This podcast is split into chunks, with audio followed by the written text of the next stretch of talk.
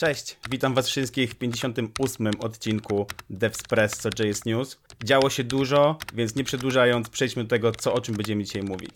A mówimy dzisiaj o Nextie 12, o Gatsby 4, mamy też lipkę React Freeze od Software Mansion. Propozycję RFC do Angulara, raport The State of Development Ecosystem od JetBrainsa. E, kilka nowości z konferencji GitHuba, GitHub Universe opowiemy was, wam też o nadchodzącym Neonie 1.0. Wayback Machine się pojawi, Note 16, no i chyba najlepsze na koniec. Tak, tak, najlepsze na koniec, ale to może zostawmy jako ciekawostkę.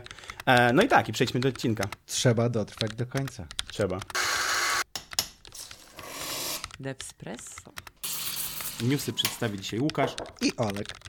Witamy w odcinku. E, dzisiejszy odcinek poprowadzę ja, Łukasz. E, moim gościem będzie Olek. Cześć Olku. Cześć Łukasz, hej. A naszym wspólnym gościem niespodziewanym będzie Piotr. Cześć Piotrze. Cześć wszystkim. Piotrze, e, ja myślę, że możemy chyba ruszyć z tym, po co ty tu jesteś w tym odcinku, dlatego, że wyszedł e, Next.js 12. I to jest bardzo duży release. My z Olkiem nie czuliśmy się wystarczająco ekspertami, żeby to wszystko przegadać, więc zaprosiliśmy ciebie. Więc chyba zaczniemy od Next.js News DevSpresso. Co ty na to? Jestem jak najbardziej za.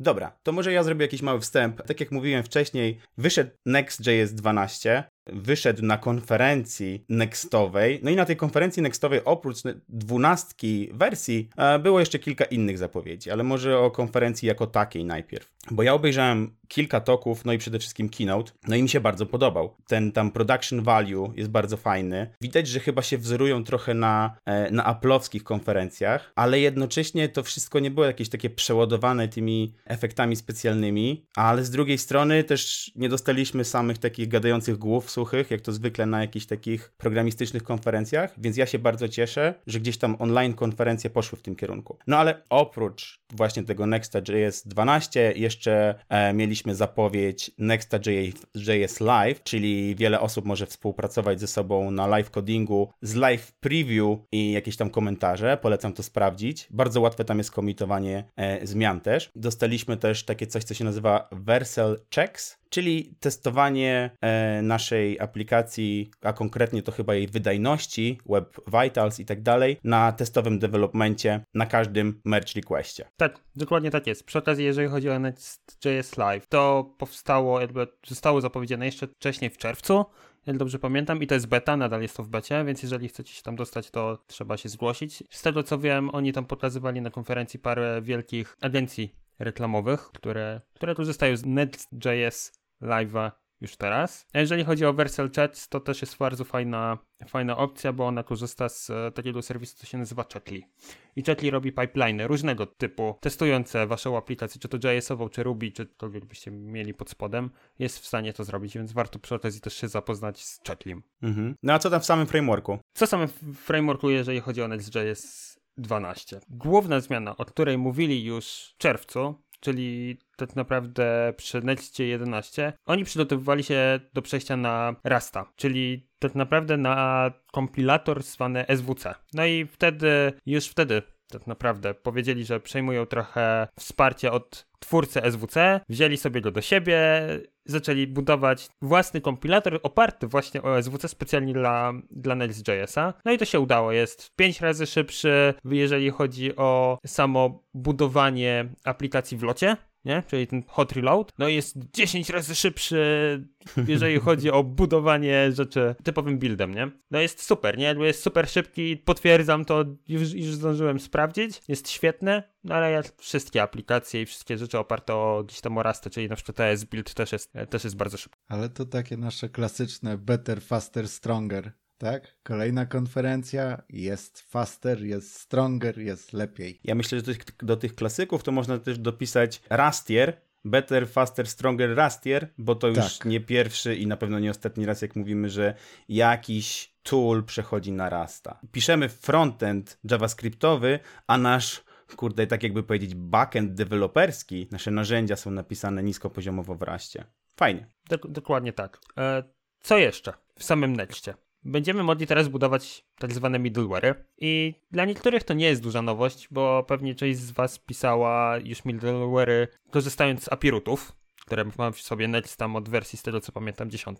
Tyle tylko, że teraz te middleware'y będą dużo łatwiejsze do napisania i będą nam pozwalały zmieniać headery, zmieniać, e, tworzyć rewrite'y, tworzyć e, redirecty, wszystko dopisując w source code strony, w sensie w samym pliku projektowym, plik będzie musiał się nazywać po prostu nazwa pliku.middleware.js i wtedy on będzie middleware'em.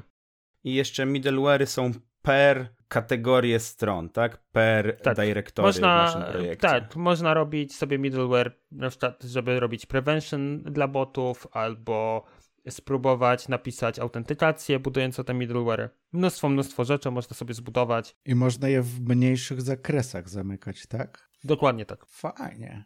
Bardzo, bardzo fajne rozwiązanie.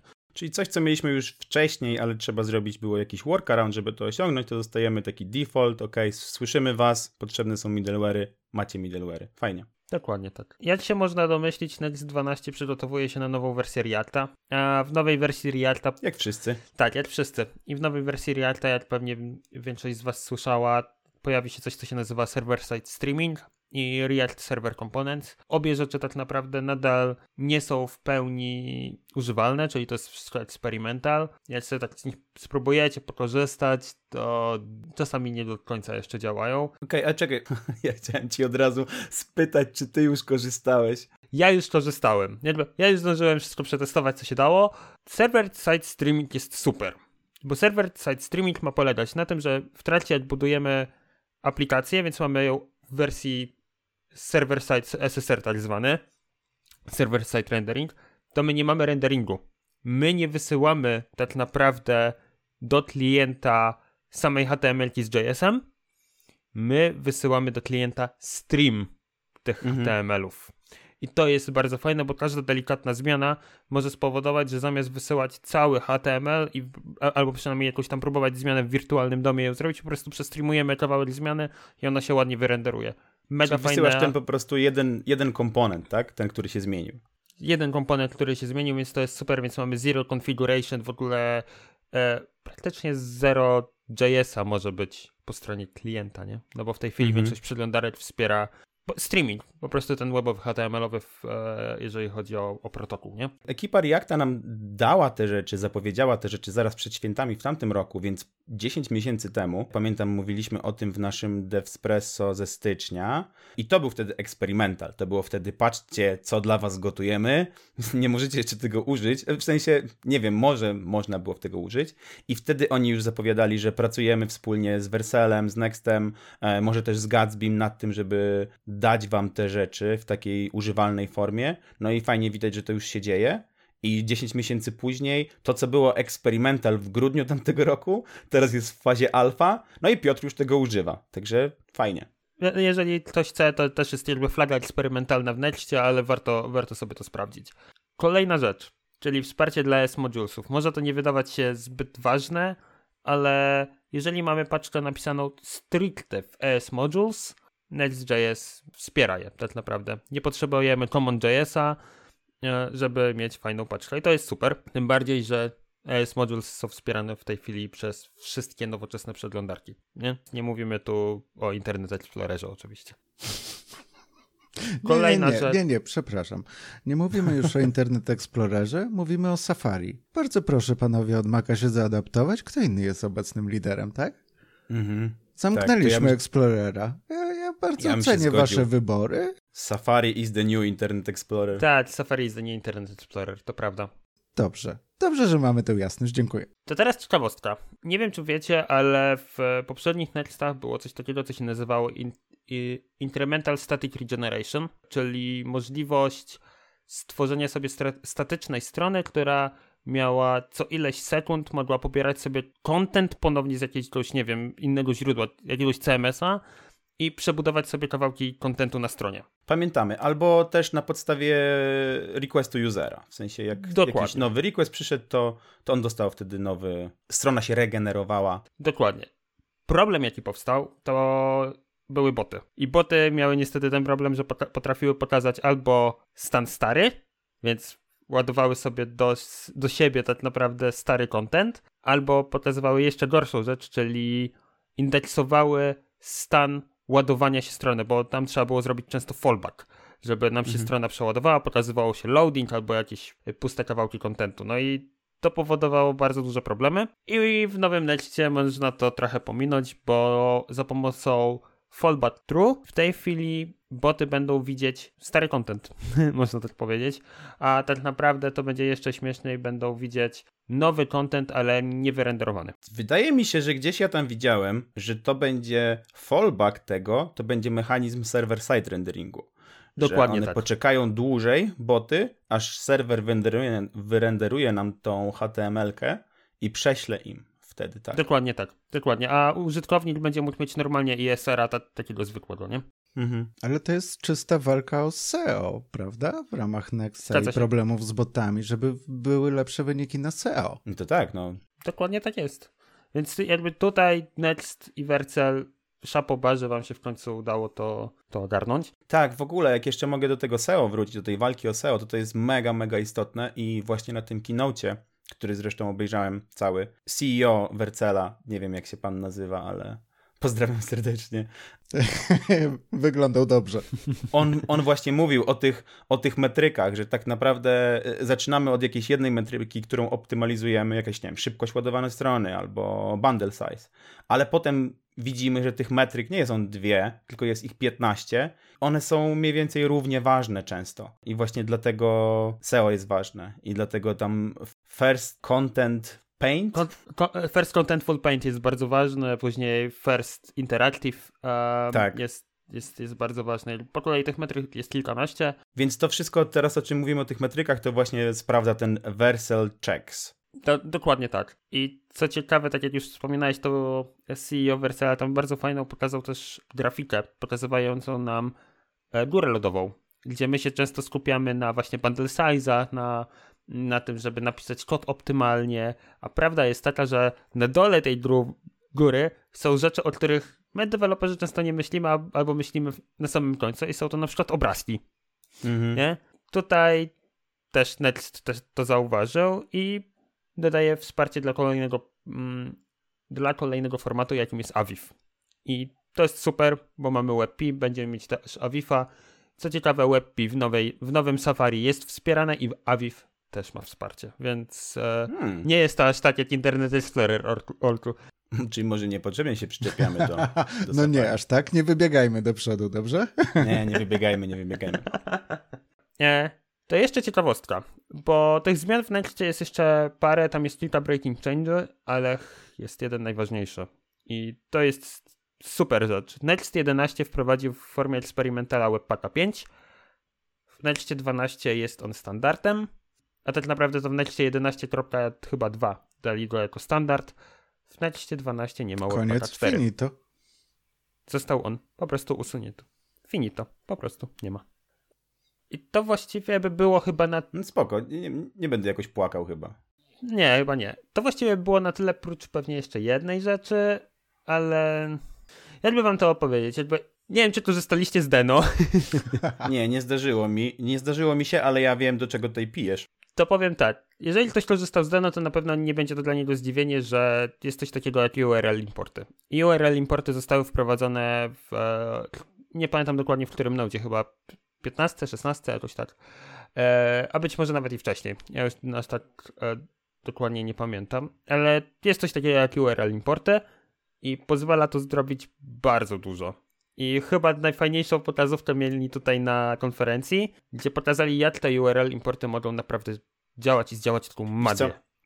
To może tak jakbyśmy zrobili dwa kroki wstecz. No to te URL importy, chodzi o to, że nie importujesz z paczki, którą dodałeś do package JSONa, tylko importujesz konkretnie z jakiegoś adresu www, tak? Pod którym coś siedzi. Ja przyjmuję, że to jest jakaś lipka po prostu. Rzeczywiście, Nawet kawałek JS-a. tak. I rz- rzeczywiście to, co oni pokazali na konfie, to sprawiło, że ja wreszcie- zrozumiałem, do czego one są potrzebne. Wcześniej, jak tak patrzyłem na to deno, to tak, okej, no importuję z URLa.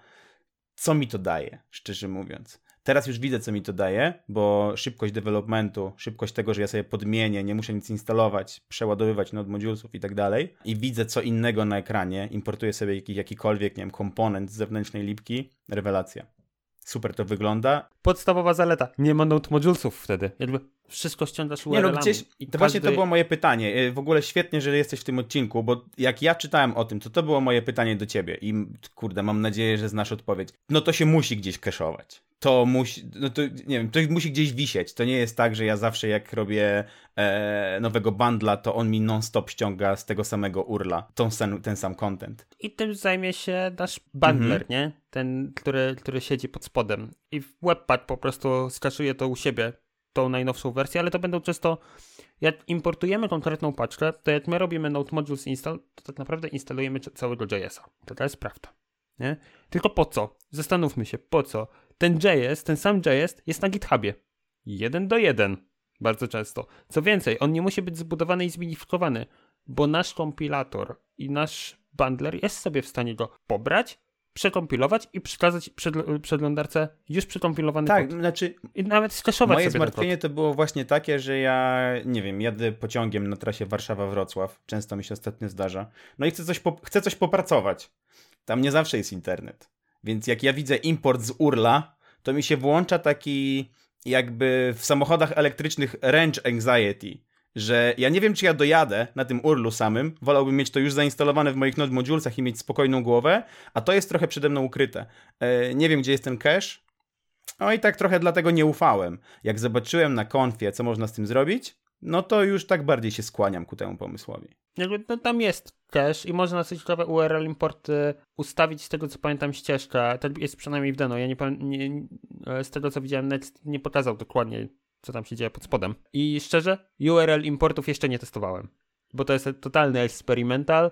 Jest na tyle eksperymentalny, że jak próbowałem podłączyć nawet część jakiejś takiej drobnego. JS-a, naprawdę wiecie, na zasadzie Hello World, Ale to nie rozczarował. to nie wypaliło, nie? Bez zaskoczeń, zgodnie z planem. Zgodnie z planem, eksperymental. Piotrek, dzięki w ogóle, że do nas wpadłeś z tak krótkim czasem, który ci daliśmy na przygotowanie się do tego, ale ja wiem, że ty jesteś super eksper- ekspertem od Nexta.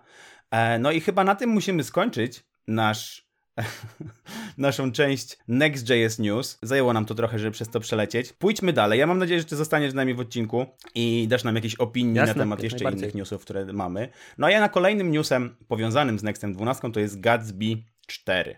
Właśnie wyszedł, chyba niedawno mówiliśmy o becie jakiejś Gatsby'ego. Tak, było, ja nawet nie wiem, czy to nie wspominałem, albo, albo był to Julek. Ktoś, ktoś wspominał. No Olek, coś chciałeś Nie, powiedzieć? nie, no ja chciałem tylko powiedzieć, że no przechodzimy do Gatsby'ego, czyli tak naprawdę do porównań z Nextem, także Piotrze, zostań z nami. Tak, tak, właśnie mamy nadzieję na twoją opinię. Na pewno ja też mam jakieś opinie na ten temat.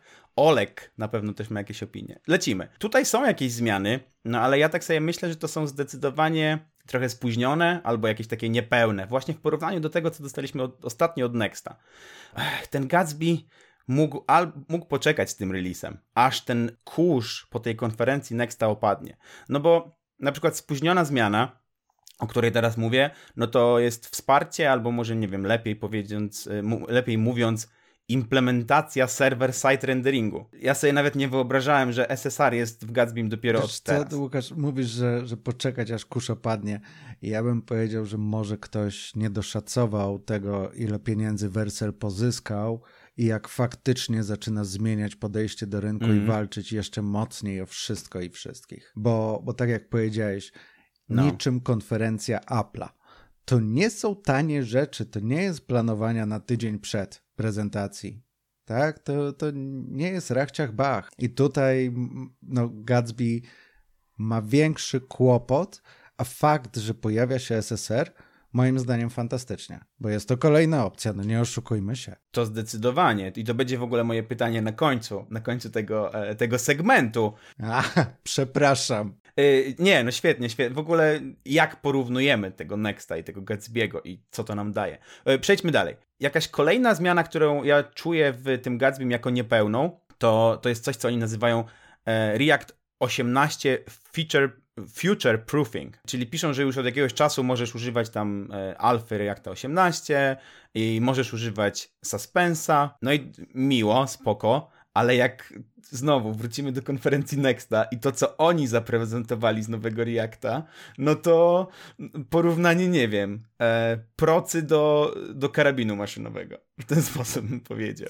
Właśnie, właśnie rozjeżdża się rynek i tak jak i wielokrotnie rozmawialiśmy przy kolejnych finansowaniach dla Wersela, ile pieniędzy pozyskali, a jak innym udaje się pozyskiwać pieniądze na swoje projekty, dochodzi do dużej dychotomii takiego zachwiania rynku, tak? Nie, nie oszukujmy się, Gatsby bardzo długo był dla wszystkich istotny i, i jako platforma e, był wykorzystywany bardzo mocno i nadal jest, tak? Nie, nie można mu tego odebrać, ale kłopot pieniędzy istotnie całym rynkiem dostarczanych technologii tutaj chwieje, wydaje mi się. I stąd możesz powiedzieć, że React 18 Future Proofing jest lekkim rozczarowaniem i to jak zostało to pokazane, no zupełnie nie to. To nawet ja bym nie powiedział, że rozczarowaniem, tylko oni mm, tak jakby czuli się zobligowani, żeby to napisać u siebie na blogpoście na temat e, Gatsby'ego 4, mimo że ten suspense, który jest je, ich trochę jedyną opcją, którą wykorzystują, jest już w Gatsbym od 3.9. A mimo to napisali, że ej, możecie używać React 18. U nas też jest tak jak w Nextie. A nie jest. Równocześnie spotykamy się co tydzień i widzieliśmy wszyscy, co się działo, jak wyszedł nowy Webpack. Mhm. To był wyścig. Tak. Wszyscy wprowadzali Webpacka piątkę, mówili, że czwórka, nie, czwórka, już muerte kaput, zapomnijmy o tym, już, już piątka, tak? I pędzili co sił. No i tutaj też masz ten kłopot, no jedno i drugie oparte o Reacta. Mm, jest wąskie gardło. Jedno i drugie mówi, że współpracuje ściśle z React Core Teamem nad tymi zmianami. Tak. A równocześnie, tak jak wspomniałeś na początku, ludzie z Reacta 10 miesięcy, nadal tego nie widzę, tak? No Działającego. Właśnie, no właśnie. No, no, no właśnie, to, to nie jest takie hop także tu chyba wszyscy mają z tym kłopot, zaczynając od React Core Teama o, i, i od nich. Dobra, to może ja tak przelecę przez bullet pointy, e, jakie są nowości w tym, e, w tym Gatsby 4. I to będzie tak. Deferred Static Generation, czyli statyczna stronka się nie buduje w trakcie builda, tylko za pierwszym requestem ze strony klienta. Znowu, to jest to samo, co w Nextie dostaliśmy rok temu z dziesiątką, tak? Czyli to będzie ten incremental e, coś tam, coś tam, to co mówiłeś Piotrze przed chwilą ta, ta Incremental Static Regeneration, przy czym w przypadku Nexta stronka się buduje po raz pierwszy, mhm. bo musi być jakiś inicjalny stan. Okej, okay, no to tutaj też chodzi o to, żeby te buildy, czas buildowania e, trochę skrócić i nie tworzyć tej stronki, dopóki pierwszy klient o nią nie zapłuka. E, pierwszy klient puka, stronka jest generowana, dostaje tą stronkę, no i już każdy kolejny potem dostaje ją z cache'a zbudowaną. Kolejną nowością to jest ten server-side rendering, o którym już mówiłem. Potem kolejną to jest Parallel Query Running no czyli sposób na przyspieszenie buildów mm, w trakcie budowania e, wszystkich tych statycznych stronek. Kiedyś odpytywał odpytywał. Gatsby e, odpytywał jakieś nasze resursy jeden po drugim. Teraz jest w stanie podobno odpytać je wszystkie naraz, albo przynajmniej jakąś część naraz. I mówią, że taki sposób buildowania potrafi zmniejszyć czas o 40%, czyli faster. Jest. Better, faster, stronger. Faster, better. Better, faster, stronger. A oni akurat chyba jeszcze nie mają Rastier, z tego co widzę, bo gdyby mieli Rastier, to to nie byłoby 40%, tylko tak jak w przypadku Nexta 7 razy, tak? 700%. Eee, ale pewnie tam dojdą, ja czuję, że oni tam dojdą. Tak, to jeszcze jest ten oczywiście React 18 Future Proofing, mówiliśmy już o tym. E, no i tam potem jest już kilka zmian w deploy infrastructure. To są jakieś koniecznie zmiany, żeby działały te nowe feature'y SSR i deferred site generation. No i oczywiście te nowe zmiany pomagają w zmniejszeniu deploy time o nawet 90%.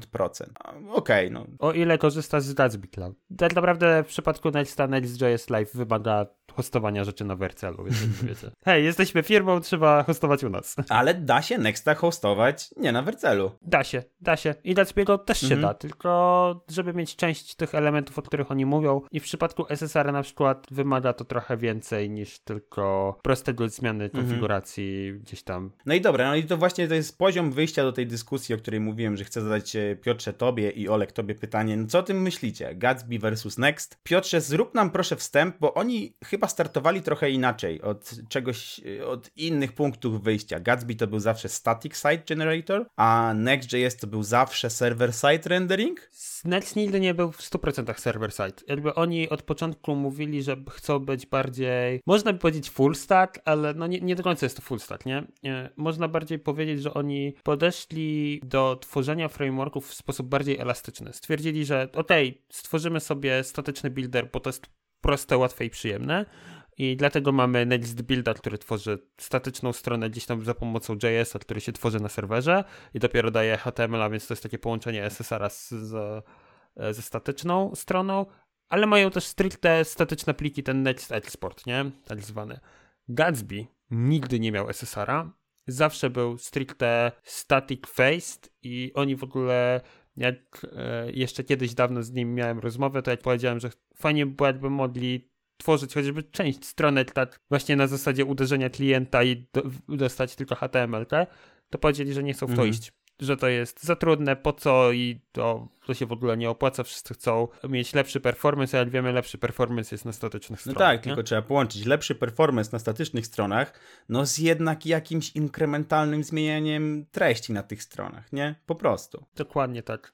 Dlatego tutaj jest trochę tych takich nie, nie, niedoskonałości. No i Gatsby jest naprawdę fajnym frameworkiem. Może niekoniecznie moim, bo jest aż zbyt zopiniowany. Na przykład bardzo nie podoba mi się ich podejście pod względem zwanych extensionów, więc e, żeby cokolwiek zrobić, to trzeba jednak sobie zainstalować e, extension. E, Na przykład jeżeli chcecie bazować na plikach, no to jest extension do tego, który sobie ściągacie na zasadzie npm-a, dorzucacie sobie do konfiguracji Gatsby'ego i uwaga, używacie GraphQL-a do wszystkiego. Wszystko działa na GraphQL-u w Gatsby. I Jak z jednej strony jest to fajne, bo jak się nauczycie GraphQL-a, to wiemy, co dostajemy, więc bardzo łatwo jest e, robić i ogarniać te dane na, po stronie frontendowej. Tak z drugiej strony, no kurde, prosty, ja chcę prosty plik, że nie wiem, MD sobie z, wrzucić do, do strony, no to jest już problem, bo normalnie to bym sobie napisał FS-em e, w Node kawałek kodu, otworzył sobie plik, zestreamował co potrzebuje i wy, wywalił FS-a i do widzenia, działa. A w przypadku Gatsby'ego to muszę najpierw zainstalować extension, napisać GraphQL-owe query, z- to GraphQL-owe query odpowiednio przemapować na Reactowe komponenty, no i wiecie, jak ktoś nie zna To ja GraphQL-a, no to zaczyna problem. inaczej. Tutaj istotnie rynek nam się zmienił, nasze możliwości, jakie dała nam technologia i jak zostało to uproszczone. Te parę lat temu Static Site Gener- Generation było wystarczająco. I żeśmy żyli z tym i było klawo. A wraz z rozwojem kolejnych opcji, lepszym transferem, lepszymi komputerami, lepszymi przeglądarkami i całym tym ekosystemem, faktycznie server-side rendering zaczyna wygrywać i możliwość dodania do tego generowania statików wydaje się istotnie prostsza niż do statików dodanie strony serwerowej. Kiedyś to podejście było słuszne i była konkurencja dla Gatsby'ego, istniała i nie tylko oni byli na tym rynku, tak? Więcej podmiotów tworzyło statiki. Ja wam powiem ciekawszą rzecz. SSR był pierwszy. I to się w ogóle, jak ktoś pierwszy raz to usłyszy, to, to dopiero się, się robi troszkę w mózgu, Co zaczynają się przedstawiać mm, pewne... SSR był pierwszy. W latach mniej więcej 90. mieliśmy SSR-a już wtedy, bo nie było komputerów, które mogłyby ci lokalnie zbudować statyczne i pliki. serwować. Więc były za słabe, więc łatwiej było, żeby serwer tworzył Na pliki na bieżąco. No bo szybko ten i kaszujesz tylko poszczególne Czekaj, a jak elementy. napiszesz sobie stronkę, która ma tylko jeden indeks HTML, ża- żadnego JavaScriptu w środku i to jest stronka, którą napisałem w gimnazjum na temat paktofoniki, to to, to, jest, to jest static site. To jest już Dokładnie, static. więc To jest static site, ale właśnie większość stron, na przykład jak popatrzycie na strony mm, starych filmów, tak jak na przykład Space Jam miał. Space Jam był stroną o shit, jak pięknie. Do tego dojdziemy. Dojdziemy do starych stron. Ja myślę, że powinniśmy zamykać temat Gatsby'ego i frameworków i ogólnie. Tak. Chociaż może frameworków to nie. Jeszcze nie? Bo jeszcze coś mamy na ten temat. Dobra, pierwsza paczka dla Reacta i React Native'a. Sebastian w tamtym tygodniu bardzo chwalił firmę, w której ja pracuję, Colstacka, za to, że my mamy duży wkład w open source'a, szczególnie React Native'owy. A w tym tygodniu ja chcę odbić piłeczkę, podkreślić zasługi też innej firmy, która działa z Polski i która prężnie właśnie działa w tym zakresie. I to jest Software Mansion z Krakowa. Ona jest odpowiedzialna za takie hity React Native'owe jak Reanimated czy React Native Screens. I każdy, kto e, robi w React Native, to zna te dwie paczki. Kilka dni temu, dosłownie kilka dni temu, wypuścili nową paczkę i ona się nazywa React Freeze. Paczka ta pozwala na zatrzymywanie renderowania części drzewa reaktowego i to się przydaje w wielu rzeczach, ale bardzo na przykład w nawigacji React Native'owej, gdzie po przejściu na inny ekran, poprzedni ekran zwykle nie jest odmontowywany z drzewa, tylko zostaje w hierarchii i czasami się niepotrzebnie re-renderuje na podstawie jakichś zmian e, w Reduxie na przykład. Więc już nie musi się niepotrzebnie re-renderować, można użyć właśnie tego freeza i nie wykonywać tej, tej dodatkowej pracy. I tak jak już mówiłem, to można również w czystym Reakcie osiągnąć, e, jeśli się chce. Co jest szczególnie ciekawe dla mnie i polecam wam to koniecznie zobaczyć, to jak ta paczka działa w środku. E, tam jest 43 linijki kodu, które pokazują jak użyć reaktowego komponentu Suspense, o którym już zresztą mówiliśmy przy obydwu e, Nexcie i przy Gatsby. W dużym skrócie, to do środka Suspense kładamy komponent, który albo renderuje swoje dzieci, albo rzuca błędem. On tam robi po prostu throw coś tam. I jak chcemy zatrzymać renderowanie dzieci, to robimy throwa. I wtedy renderuje się placeholder, czyli fallback. To brzmi jak olbrzymi hack dla mnie, ale co ja tam wiem? Nie, może tak naprawdę to właśnie tak powinno to działać. W sensie, może taka jest architektura tego, tego suspensa. No i tak, to jest ten sam komponent, który możemy używać oczywiście w Nextie, w Gatsbym. On jest bardzo słabo opisany na, na React Docsach, ja próbowałem go znaleźć. I jak to działa w środku, no i nie znalazłem. Polecam oczywiście sprawdzić paczkę. Dodatkowo, jeśli korzystacie w swojej aplikacji React Native'owej z React Native Screens, to Freeza macie za darmo od wersji 3.9.0. Trzeba tylko włączyć jedną flagę. Fajnie. Mało przy tym robię, ale fajnie. No i zakładam, że te 43 linijki kodu to było pewnie ze dwa miesiące pracy seniora i wyszły 43 linijki kodu. Wiesz co, tam chyba w ogóle pracował Krzysztof Magiera, który jest e, dyrektorem technicznym w Software Mansion i on kiedyś pracował dla Facebooka nad React Native'em i te 43 linijki kodu otworzą ci oczy. One zmienią twój świat, po prostu. Ty się dowiesz, jak, jak użyć tego suspensa. To nie, to nie o to chodzi, że ta lipka jest jakaś... Jak już przeczytasz tą lipkę, to ona nie jest rewolucyjna. Nie? To te 43 linijki... To są wersety kodu. Wersety, dokładnie, dokładnie. Dobra, przechodzimy dalej. Przechodzimy dalej z tych pól elizejskich. Jeszcze chciałem na temat tych 43 linii kodu, jeżeli chodzi o Suspense, bo ja z Suspensa korzystałem już i ja dobrze wiem, jak on działa, bo problem, jaki jest z Suspensem, to możecie sobie zobaczyć, że Dan Abramow, czyli twórca Reacta, próbował Suspensa wytłumaczyć na trzech konferencjach i na każdej z nich pokazywał dokładnie to samo mhm. demo. Jeden do jeden to samo demo, które pokazuje idealnie, jak korzystać z Suspensa, tylko problem jest taki, że dopóki się samemu z niego nie skorzysta, to, nie wie, to się nie wie, jak mhm. on działa, bo jest tak dziwnie skonstruowany. A jak się włoży troszkę palce w to, jak Suspense jakby spróbować z niego użyć, wrzucić sobie w jakiś komponent, pobawić się nim, to kurde nagle zaczyna wychodzić, że to takie głupie nie jest wcale. Szkoda, że tak różnie on na działa, przykładach zwykle, on na spoko. przykładach działa zwykle z react.lazy. I jak używasz go z tak, react.lazy, to to jest taki, wiesz, zamknięty, magiczny ekosystem. Dostajesz e, nową funkcję lazy, dostajesz nowy komponent suspense i one działają synchro ze sobą taka złota ścieżka ci się pojawia, mówisz, o, to, to, to, to tak powinno działać. Jak wyjdziesz dokładnie z tej magii React Lazy w połączeniu z Suspense i widzisz przykłady, gdzie jest użyty Suspense bez React Lazy, to oni zawsze przy tych przykładach mówią: Nie, nie, nie, tak nie próbuj. To jest tylko demo, żeby pokazać, jak to działa, bo ta funkcja, której my tutaj używamy, to tak naprawdę i tak dalej, i tak dalej. Więc to jest ciężko, tak jak powiedziałeś, ogarnąć. Ja myślę, żebyśmy przeszli dalej, i bo mamy jeszcze jakiś jeden framework do przegadania. Ten odcinek jest bardzo, bardzo frameworkowy. Olek, dawaj. Tak, dotarliśmy do Angulara i pojawiła się propozycja RFC, czyli prośba o komentarz w zakresie zmian w NG module, czyli podstawowym korze Angulara. Chodzi o zmianę kierunku, w którym komponenty dyrektywy i pipy odgrywają bardziej centralną rolę, są samodzielne i mogą być bezpiecznie importowane i używane bezpośrednio w innych komponentach, co jest istotną zmianą dla architektury Angulara. To jest jako propozycja i prośba o komentarz do 8 Novembera, czyli listopada, zbierane są e, wypowiedzi. Dzięki temu Angular byłby prostszy w użyciu, łatwiejszy do zrozumienia i naturalnie szybszy w kompilacji. Potencjalnie. Idzie tylko i wyłącznie rozpoczęcie dyskusji. Sam pomysł w sobie jest bardzo fajny. Każdy, kto miał styczność z Angularem i ng modulami i, i tym, jak to działa, to nie jest intuicyjne. To, to nie jest tak, że jak w Reakcie, że można spod palca napisać JavaScript i jakoś to pójdzie i będzie działało. Nieważne, co tam nasadzimy i ile razy przekombinujemy, to trzeba bardziej pilnować i, i rozumieć.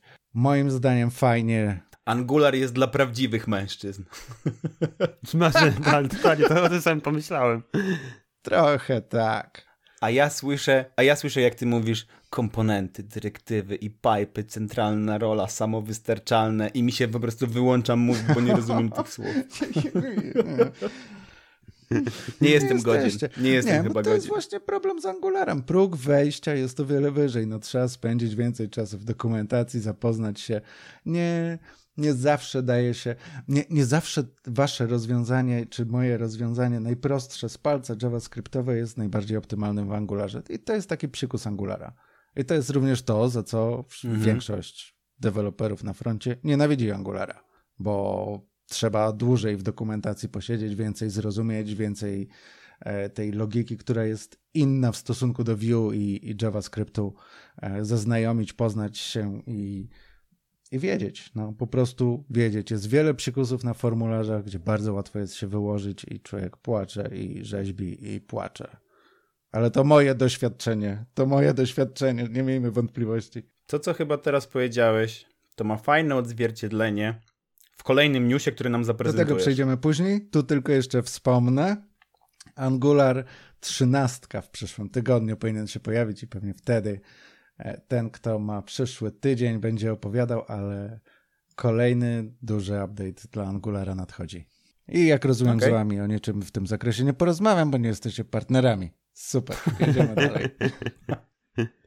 Dobrze, i następne co mam, to The State of Development Ecosystem od JetBrainsa na 2021 rok. Czyli była ankieta i masz wyniki dla nas. Tak, nie oszukujmy się. JetBrainsowo, no to zawsze zamknięty bardziej ekosystem, to ludzie, którzy bardziej używają JetBrainsa się tam pojawiają i wypowiadają, więc wiadomo, że to powinno być jakoś ukierunkowane. Nie, nie, nie wszyscy deweloperzy, jednak Stack Overflow myślę ma szerszy, na pewno ma szerszy i ma więcej odbiorców i tam zawsze więcej osób komentuje. Ale w JetBrainsach JavaScript na pozycji pierwszej jako język programowania, na pozycji trzeciej pojawił się SQL, na drugiej jest HTML, CSS, to tak standardowo, bo to ważny język programowania. Mhm. Ale jedźmy dalej. Mhm. Jakie frameworki? Pierwszy React 49%.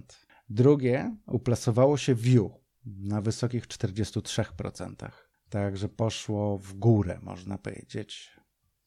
Goni. Goni, goni. Później mamy Expressa 24% i później pojawia się dopiero Angular. Raptem 18% respondentów wskazało jako regularnie używany framework. Następny jest React Native na 14%. Tak, właśnie tu chciałem zaznaczyć, że ten mój framework jest używany przez aż 14% uczestników tej ankiety i jest tak, tak mało mu do Angulara. 4% tylko, nie? Tak. 4 punkty procentowe, żeby tak dokładniej powiedzieć. Ale tak. Ale z drugiej strony nie zapominajmy, tutaj pojawił się jeszcze dwie pozycje niżej. AngularJS z 9%, co już jest. Ho, A, ho, ho, czyli sumuje się do 27, więc jest, lepiej. więc jest nieźle. W jaki sposób ten AngularJS jeszcze ma 9% użytkowników, to Legacy projekty, jak nic. No niestety te ostatnimi czasy miałem ofertę na, na Angulara z, i to właśnie JS-owego ciągnęli i klient z zachodu bardzo nie chciał zmiany. Cały czas nie, nie byli gotowi podjąć tą decyzję i zacząć przepisywać. Są wierni temu wyborowi, dzięki czemu firma ma kłopot z pozyskaniem ludzi. Ale kolejne fajne pytanie. Jakiego frameworku używamy do testowania? I to, że 39% odpowiada Jest, ok. 15 Mocha, spoko. jest żadną niespodzianką. 10 Jasmine, wow. 9 Karma, ok. 42% nie pisze unit testów No dla. JavaScriptu.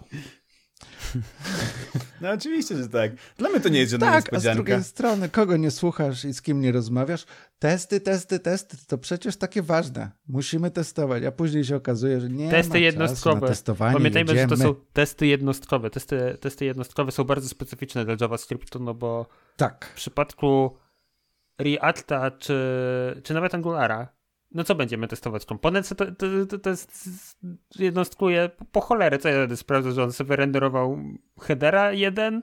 No nie, no to nie, to nie ma sensu, nie? No to więc obecnie, że ci przerwę, obecnie na, na projekcie u mnie dla odmiany na Vue wymaganie klient ma 95% do 100% pokrycia w unit testach. Wszystkie metody są e, Mhm. sprawdzane, czy wypada to, co ma wypaść. Także robimy te magiczne testy ukochane, czyli czy A plus B zawsze daje nam C. I na tysiąc różnych sposobów, wpychając tam undefined nule, w długie stringi, krótkie stringi, I w ogóle z tego, co się widzę w tej ankiecie, bardzo fajna jest odpowiedź ostatnia, czyli 5%. Tak, piszę unit testy, ale nie używam żadnego frameworka ani toolingu, więc piszę sobie to w czystym JS-ie najprawdopodobniej. Tak, Mhm. tak. Co jeszcze możemy się dowiedzieć? Jaki typ y, wskazali deweloperzy, że co robią zawodowo? Rozwiązania internetowe, websajty, później są utilities, z czego websajty aż 73%, później utilities 25%. No i jeszcze było pytanie, to, nawet nieważne jakie było kolejne pytanie. Tych pytań było tam dużo. Zachęcam do, żeby zajrzeć i przejrzeć, bo można się dowiedzieć ciekawych rzeczy. Jeśli chodzi o to pytanie, co robisz z tym JavaScriptem, jak już dewelopujesz i Nie jest ma. te website, utility i tak dalej, tutaj nie ma aplikacji mobilnych. Wcześniej, kilka pytań wyżej, 14% używa React Native'a, ale widocznie buduje z tym React Native'em website'y, co też się da, także fajnie, On ale jest pewnie pod Adder. tu powinien się znaleźć ten mobile. No ale trudno, W nie ma. 10%. W tych 10% drugie od dołu. Pewnie tak. Pewnie Bardzo tak. możliwe. No, to, by, to by miało sens. Dobra. Z jednej ankiety mm, JetBrainsów przejdźmy płynnie do kolejnej konferencji. E, mieliśmy konferencję Nexta. Była też ogromna, po prostu ogromna konferencja GitHuba, który leci po prostu z prędkością światła. Tam jest tam tyle toków, przemówień, że, że, że, że ja nie nadążyłem tego oglądać. Ja nie wiem, czy ktokolwiek może obejrzeć je wszystkie i pracować w tym samym czasie i być na bieżąco. Postaram się Wam wspólnie z Olkiem e, przedstawić jakieś takie, które nas gdzieś tam dotykają, e, nas osobiście. Sprawdźcie koniecznie cały changelog e, z tej konferencji, co się zmieniło w naszym ukochanym GitHubie. No i pierwszą zmianą to jest, że dostajemy public beta do nowych GitHubowych issuesów. I jak ja popatrzyłem na screenshoty z tego, to to trochę wygląda jak Jira w GitHubie. I podoba mi się, bo nienawidzę Jiry, działa wolno, jest e, synchronizowana domyślnie z Bitbucketem. Jeśli mogę dostać coś, co jest domyślnie zsynchronizowane z GitHubem, to jestem jak najbardziej za. Więc e, trzymam kciuki za to. Ja myślę, że, że gdzieś tam w projektach, w którym ja jestem GitHubowych, na pewno tą opcję uruchomimy sobie, żeby przetestować, czy się nadaje i czy się sprawdza. Kolejną rzeczą, którą dostajemy w, w, z tej konferencji, to są nowe feature'y w dyskusjach GitHubowych. Dyskusje GitHubowe dostaliśmy już jakiś czas temu, no i dodają nowe funkcjonalności, czyli integracja z akcjami. Możemy triggerować jakieś akcje na, na podstawie dyskusji. E, dostajemy labelki do dyskusji, żeby szybciej je sortować, filtrować i dostajemy dyskusje na GitHub Mobile. Widocznie wcześniej nie było, ja nie wiedziałem, że nie ma, ale już są. Także jeśli chcemy coś tam poczytać w tramwaju, w apce, to możemy. Niedługo dostaniemy, jeszcze nie teraz, ale niedługo będą też ankiety i cały dashboard dyskusyjny, żeby lepiej zarządzać dyskusjami w swoim projekcie. Czyli dążą do takiego kompleksowego połączenia zespołów przy kodzie i, i jak najszerzej tak. narzędzi. Dalej no, e, pojawił się New Command Palette, czyli skróty klawiszowe i pojawia się sidebar z wyszukiwarką i można psotować. Jak wiadomo, myszka to trudne urządzenie, po co tego używać? Ręce na klawiaturze. Im szybciej piszesz, tym lepiej, więc jest takie narzędzie, można poklikać. To w ogóle ja ćwiczyłem to. Świetne, bardzo mi się podoba. Tak jak wspomniałeś wcześniej, ja jestem makowcem, bardzo lubię e, ten nasz Spotlight i to wygląda jak Spotlight. To po prostu wygląda jak Spotlight. To ja w ogóle myślałem, że to będzie wyglądać bardziej jak paleta komand z e, VS Code'a, ale to wygląda jak Spotlight i świetnie się tego używa. GitHub wie, że deweloperzy nie lubią używać myszki, tak jak powiedziałeś, więc możemy używać po prostu klawiatury. Fajnie. Dobra, e, kolejne ulepszenia to dostały też Code Spaces, e, GitHub Actions. Szczerze mówiąc, to co tam się dzieje, no to ja nie czuję się wystarczająco mądry, nie używam tego, żeby to tłumaczyć. E, dużo jest zmian, polecam przeczytać. I mamy coś nowego w Copilocie, co? Tak, że Copilot dostaje wsparcie dla IDE od JetBrainsa, w szczególności dla IntelliJ'a i IDE od Neovim, którego nie znam, ale Copilot będzie dla nich. No i dodatkowo Copilot jest rozwijany o kolejne języki, jak Java, C, C++, C Sharp jeszcze i będzie w stanie generować wieloliniowy kod samodzielnie do tego, czyli ten multi-line support dla, dla kolejnych języków się pojawia. Wcześniej był dla Pythona, JavaScriptu, TypeScriptu, Rubiego i Go. Zostaje ten zakres poszerzony o nowe języki. Świetnie. GitHub się rozwija i mi się to podoba. Kto nie lubił Microsoftu, ten chyba ostatnio się zaczyna przekonywać do Microsoftu. Ja nigdy nie miałem jakiegoś stosunku żadnego, szczerze mówiąc. I to, że GitHub ma właściciela z głębokimi kieszeniami. To tak samo jak w Nextie. Po prostu im więcej kasy, tym, tym szybciej idziemy do przodu. Ja czuję, że wchodzę na GitHub tydzień po tygodniu i widzę non-stop jakieś fajne zmiany. Ja im dalej jedziemy w tą dyskusję, odnoszę wrażenie, że robię w innych technologiach niż wy. Siedzę na Vue, siedzę na unit testach. Eee, nie korzystam z GitHuba po, po, po co to komu, nie? Jakby... Inny świat. Nie, bo na GitLabie siedzimy, także też rzadko tam bywam, bo tylko do prywatnych projektów. Świetnie, że mamy w naszym ekosystemie, w naszym całym DevSpresso i tak dalej, tak właśnie wiele punktów widzenia. Każdy z innej bajki. No i to one się przenikają. Ja widzę rzeczy z GitLaba i z GitHuba przenikające się, ulepszające. A mówiąc o ulepszaniu, to wróćmy do naszego sloganu e, Better, Faster, Stronger, Rastier. Naprawdę nie znasz Daft Punka i, i Rasta, no. Kanye Westa, ja znam to w wykonaniu Kanye Westa. Wracając do Rasta. E, to jest taka ciekawostka, znalazłem gdzieś tam w mojej skrzynce e-mailowej. Istnieje coś takiego jak Neon. Neon to jest zestaw narzędzi, które pozwalają na używanie Rasta z JavaScriptu. Neon się nazywa w ogóle Neon e, Bindings, czyli powiedzmy jakiś tam interfejs między Rustem a JavaScriptem i on niedługo dostanie wersję pierwszą. Maintainer Neona Dave Herman ostatnio odpowiadał na pytania na Hacker News i właśnie tam zapowiedział, że niedługo będzie wersja 1.0. Będą breaking changes w porównaniu do tego, co teraz jest, więc jeśli ktoś z naszych słuchaczy używa tego, to niech będzie świadom albo świadoma, że czekają breaking changes. Polepszy się prawdopodobnie experience e, używania Neona, jak Neon wersji 1.0 wyjdzie, to ja po prostu zaklepuję ten odcinek. To jest świetny temat i bardzo chciałbym go przegadać. Na pewno będziemy o tym dalej informować. Taka mała ciekawostka. Wayback Machine ma 20 lat, czyli internetowe Woo! archiwum stron internetowych. Najstarsza strona jest z 96 roku. Obecnie mają 200, nie, 606 miliardów wersji stron internetowych zarchiwizowanych, udostępnionych. W ogóle polecam zajrzeć, w szczególności polski internet z lat 90. Warto obejrzeć, uronić łezkę. Ja pamiętam, jak w gimnazjum wchodziłem, w tym samym gimnazjum, co robiłem w samej apoktefonice, to, to, to wchodziłem na strony wp.pl, to był najszybszy adres, który potrafiłem wpisać na klawiaturze bez patrzenia pięć znaków wp.pl. no i jak patrzę na, te, na wp.pl, na tym właśnie internet, e, na Wayback Machine, to, to łezka Lepiej się kręci. przyznaj się, jaki login do maila miałeś. Ten przedrostek. O, bo jak Paktofonika była kodowana i WP.pl, no. Ja się chyba nazywałem Lukaszek. to jeszcze nie jest tak źle, nie? Jeszcze nie jest tak źle. Oj, ale tak, Wayback Machine jest no, świetną rzeczą do popatrzenia sobie na stronę, stare strony, a ciekawostka jest taka, że nie wiem, czy wiecie, Wayback Machine, żeby działać, to on nie jest tak, że wyłapuje wszystkie strony. Mm-mm. Mm-mm. Oni nie mają bota per se tak jak Google. Wayback Machine robi to bardziej na zasadzie takiej, że jeżeli ktoś się zgłosi ze swoją stroną, to wtedy bot sobie dopisuje do swoich do swojej baski, że ma tam wejść co jakiś czas, dokładnie tą stronę, nie? Okej, tak, bo coś mi nie grało z tą liczbą 606 miliardów. Że to było, wydaje się za mało. Jakby mieli rzeczywiście archiwizować wszystko. I to jeszcze, jak patrzyłem rzeczywiście na tą stronę wp.pl, oni tam mają, nie wiem, 10 wersji stron z tego samego dnia na Mhm. przykład czasami.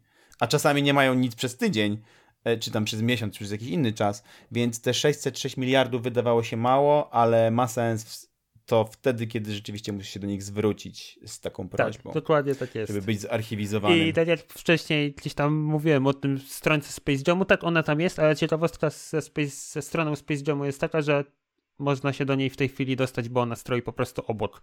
E, normalnie w internecie. Tak, Mhm. tak, tak, tak. Dobra, ten odcinek, ten odcinek jest bardzo, bardzo długi i już teraz e, obiecuję, to jest ostatni news, news, Montaż którego, e, który chcę przedstawić. No i to jest taki news, że Note 16 jest od niedawna LTS-em. Note 17 mówiliśmy o nim w zeszłym tygodniu. Teraz mówimy o tym, że mamy long term support dla 16.x. No i tyle. To chyba to, co możemy o tym powiedzieć. Uhu, klaszczemy. Przede wszystkim, Piotr, dzięki, że wpadłeś tutaj dzisiaj i słyszałem, słyszałem, że masz jakieś self-promo do zrobienia, także dawaj. Czekajcie, może inaczej. Mamy znanego maintainera, takiej paczki, która jest na NPM-ie. Piotrze, gdybyś mógł nam opowiedzieć o swoim produkcie. Słuchajcie, wydałem taką fajną paczkę do takiego fajnego produktu, jakim jest Notion. Jak wiecie, jestem wielkim fanem Notion jako narzędzia pracy tak naprawdę. Notion ma swoje API i ono jest naprawdę fajne, jest świetnie rozwijane, ma bardzo fajną dokumentację. Jest tylko jeden mały problem, że jak mamy API, to nie mamy jak sobie wyrenderować tych rzeczy, nie? No i korzystamy z Reacta, przynajmniej my. Dobra, Ole, tak wiem, ty korzystasz z Angula. View. Pomyślę o tym, pomyślę o tym, nie martw się. Ale w przypadkiem w moim świecie ja korzystam bardzo często z Reacta, no i brakowało mi czegoś, co mi zamieni bloki Notionowe, bo oni mają i bloki, i strony, na poszczególne komponenty Reactowe. Tak jak często się to robi w e, headlessowych CM, CMS-ach. No więc stworzyłem własną paczkę opartą e, o TypeScript. Napisałem ją całą w TypeScriptie, no i opiera się też ona o wyniki z paczki Notion, która jest paczką kliencką tak naprawdę. No więc możemy sobie spokojnie przemapować konkretne bloki na konkretne reaktowe komponenty i, i je wyrenderować sobie w swojej aplikacji. E, Tak po prostu. Na chwilę obecną mam wersję 1.7, która no, zawiera tam obróbkę list numerowanych, nienumerowanych, linki, paragrafy, obrazki i inne takie rzeczy. Więc jak się domyślacie, paczka jeszcze jest trakcie rozwijania, nie jest idealna, brakuje kilku rzeczy, ale mam parę pomysłów na dalsze rozwinięcie. Jest to na przykład sprawdzenie, czy na pewno dobrze działa z React Native'em. Myślę o tym, żeby takie osoby jak Oleg, które korzystają z Virtual Angulara, też mogły z niej korzystać i chcę wprowadzić web komponenty i byłyby super. Więc jeżeli chcecie, to proszę, możecie z niej korzystać. E, paczka nazywa się Notion Block React Renderer. Każdy issue, każdy PR będzie dla mnie na wadzie złota. Po prostu. Super. To w ogóle Bardzo fajnie. Czapki z głów, Dziękuję bardzo. czoła. fajnie. Open source to jest coś, co, w czym fajnie się udzielać, żeby tworzyć paczkę dla siebie, nie? Bo tak naprawdę stworzyłeś ją po to, żeby rozwiązać swój problem i nie miałeś w głowie gdzieś jakiegoś docelowego klienta, dla którego chciałeś rozwiązać problem, Nie. z którym on do ciebie przy... Ty miałeś problem, usiadłeś kilka wieczorów albo tygodni, sklepałeś paczkę i jesteśmy z ciebie mega dumni. No, dokładnie tak było. Ciekawsza, ciekawa sprawa jest taka, że napisałem tak naprawdę cały renderer w swojej stronie. Później to wyciągnąłem do paczki, bo stwierdziłem, że hej, właściwie to pewnie skorzystam z tego rozwiązania w paru innych projektach, więc to z mojego doświadczenia wynika, że zawsze tak się dzieje z, z paczkami, które robisz powiedzmy od, od zera, od pierwszej linijki, że najpierw ją piszesz w 15 własnych plikach JS-owych, które masz rozsiane po całym projekcie, a potem wpada ci do głowy, hmm, może to zenkapsuluję w oddzielnym jednym folderze, a potem, ej, jakbym to wrzucił po prostu w jedno repo, to To by było łatwiej. No, dokładnie tak się stało. Dokładnie tak. A przy okazji nauczyłem się TypeScriptu. Nauczyłeś się. Właśnie, bo ja nie umiałem TypeScriptu wcześniej. Wydało się. Rok, rok i dwa miesiące później Despresso i okazuje się, że e, główny, jeden z głównych hostów nie potrafi pisać w TypeScript. Ju, już, potrafię, teraz, teraz Dopiero już wiem, jak potrafi. korzystać. Już potrafi. Tak. Nie podejmujmy tej dyskusji, czy TypeScript ma O nie, nie, nie, uzasadnienie, nie, nie, czy nie. nie, nie. Nie podejmujmy, może, może podejmijmy ją w innym odcinku, a tymczasem bardzo chłopaki wam dziękuję, że dołączyliście do mnie. E, bardzo dziękuję naszym wszystkim słuchaczom, którzy wytrwali z nami w tym długim odcinku, ale no niestety październik jest bardzo obfity w newsy. I tak, do zobaczenia, w, do usłyszenia w przyszłym tygodniu. Lajkujcie, komentujcie, dajcie nam znać, co myślicie o wojnie frameworkowej Gatsby Next, Angular, React, wszystko naraz. Dzięki, cześć. Dzięki, hej. Dziękuję, hej.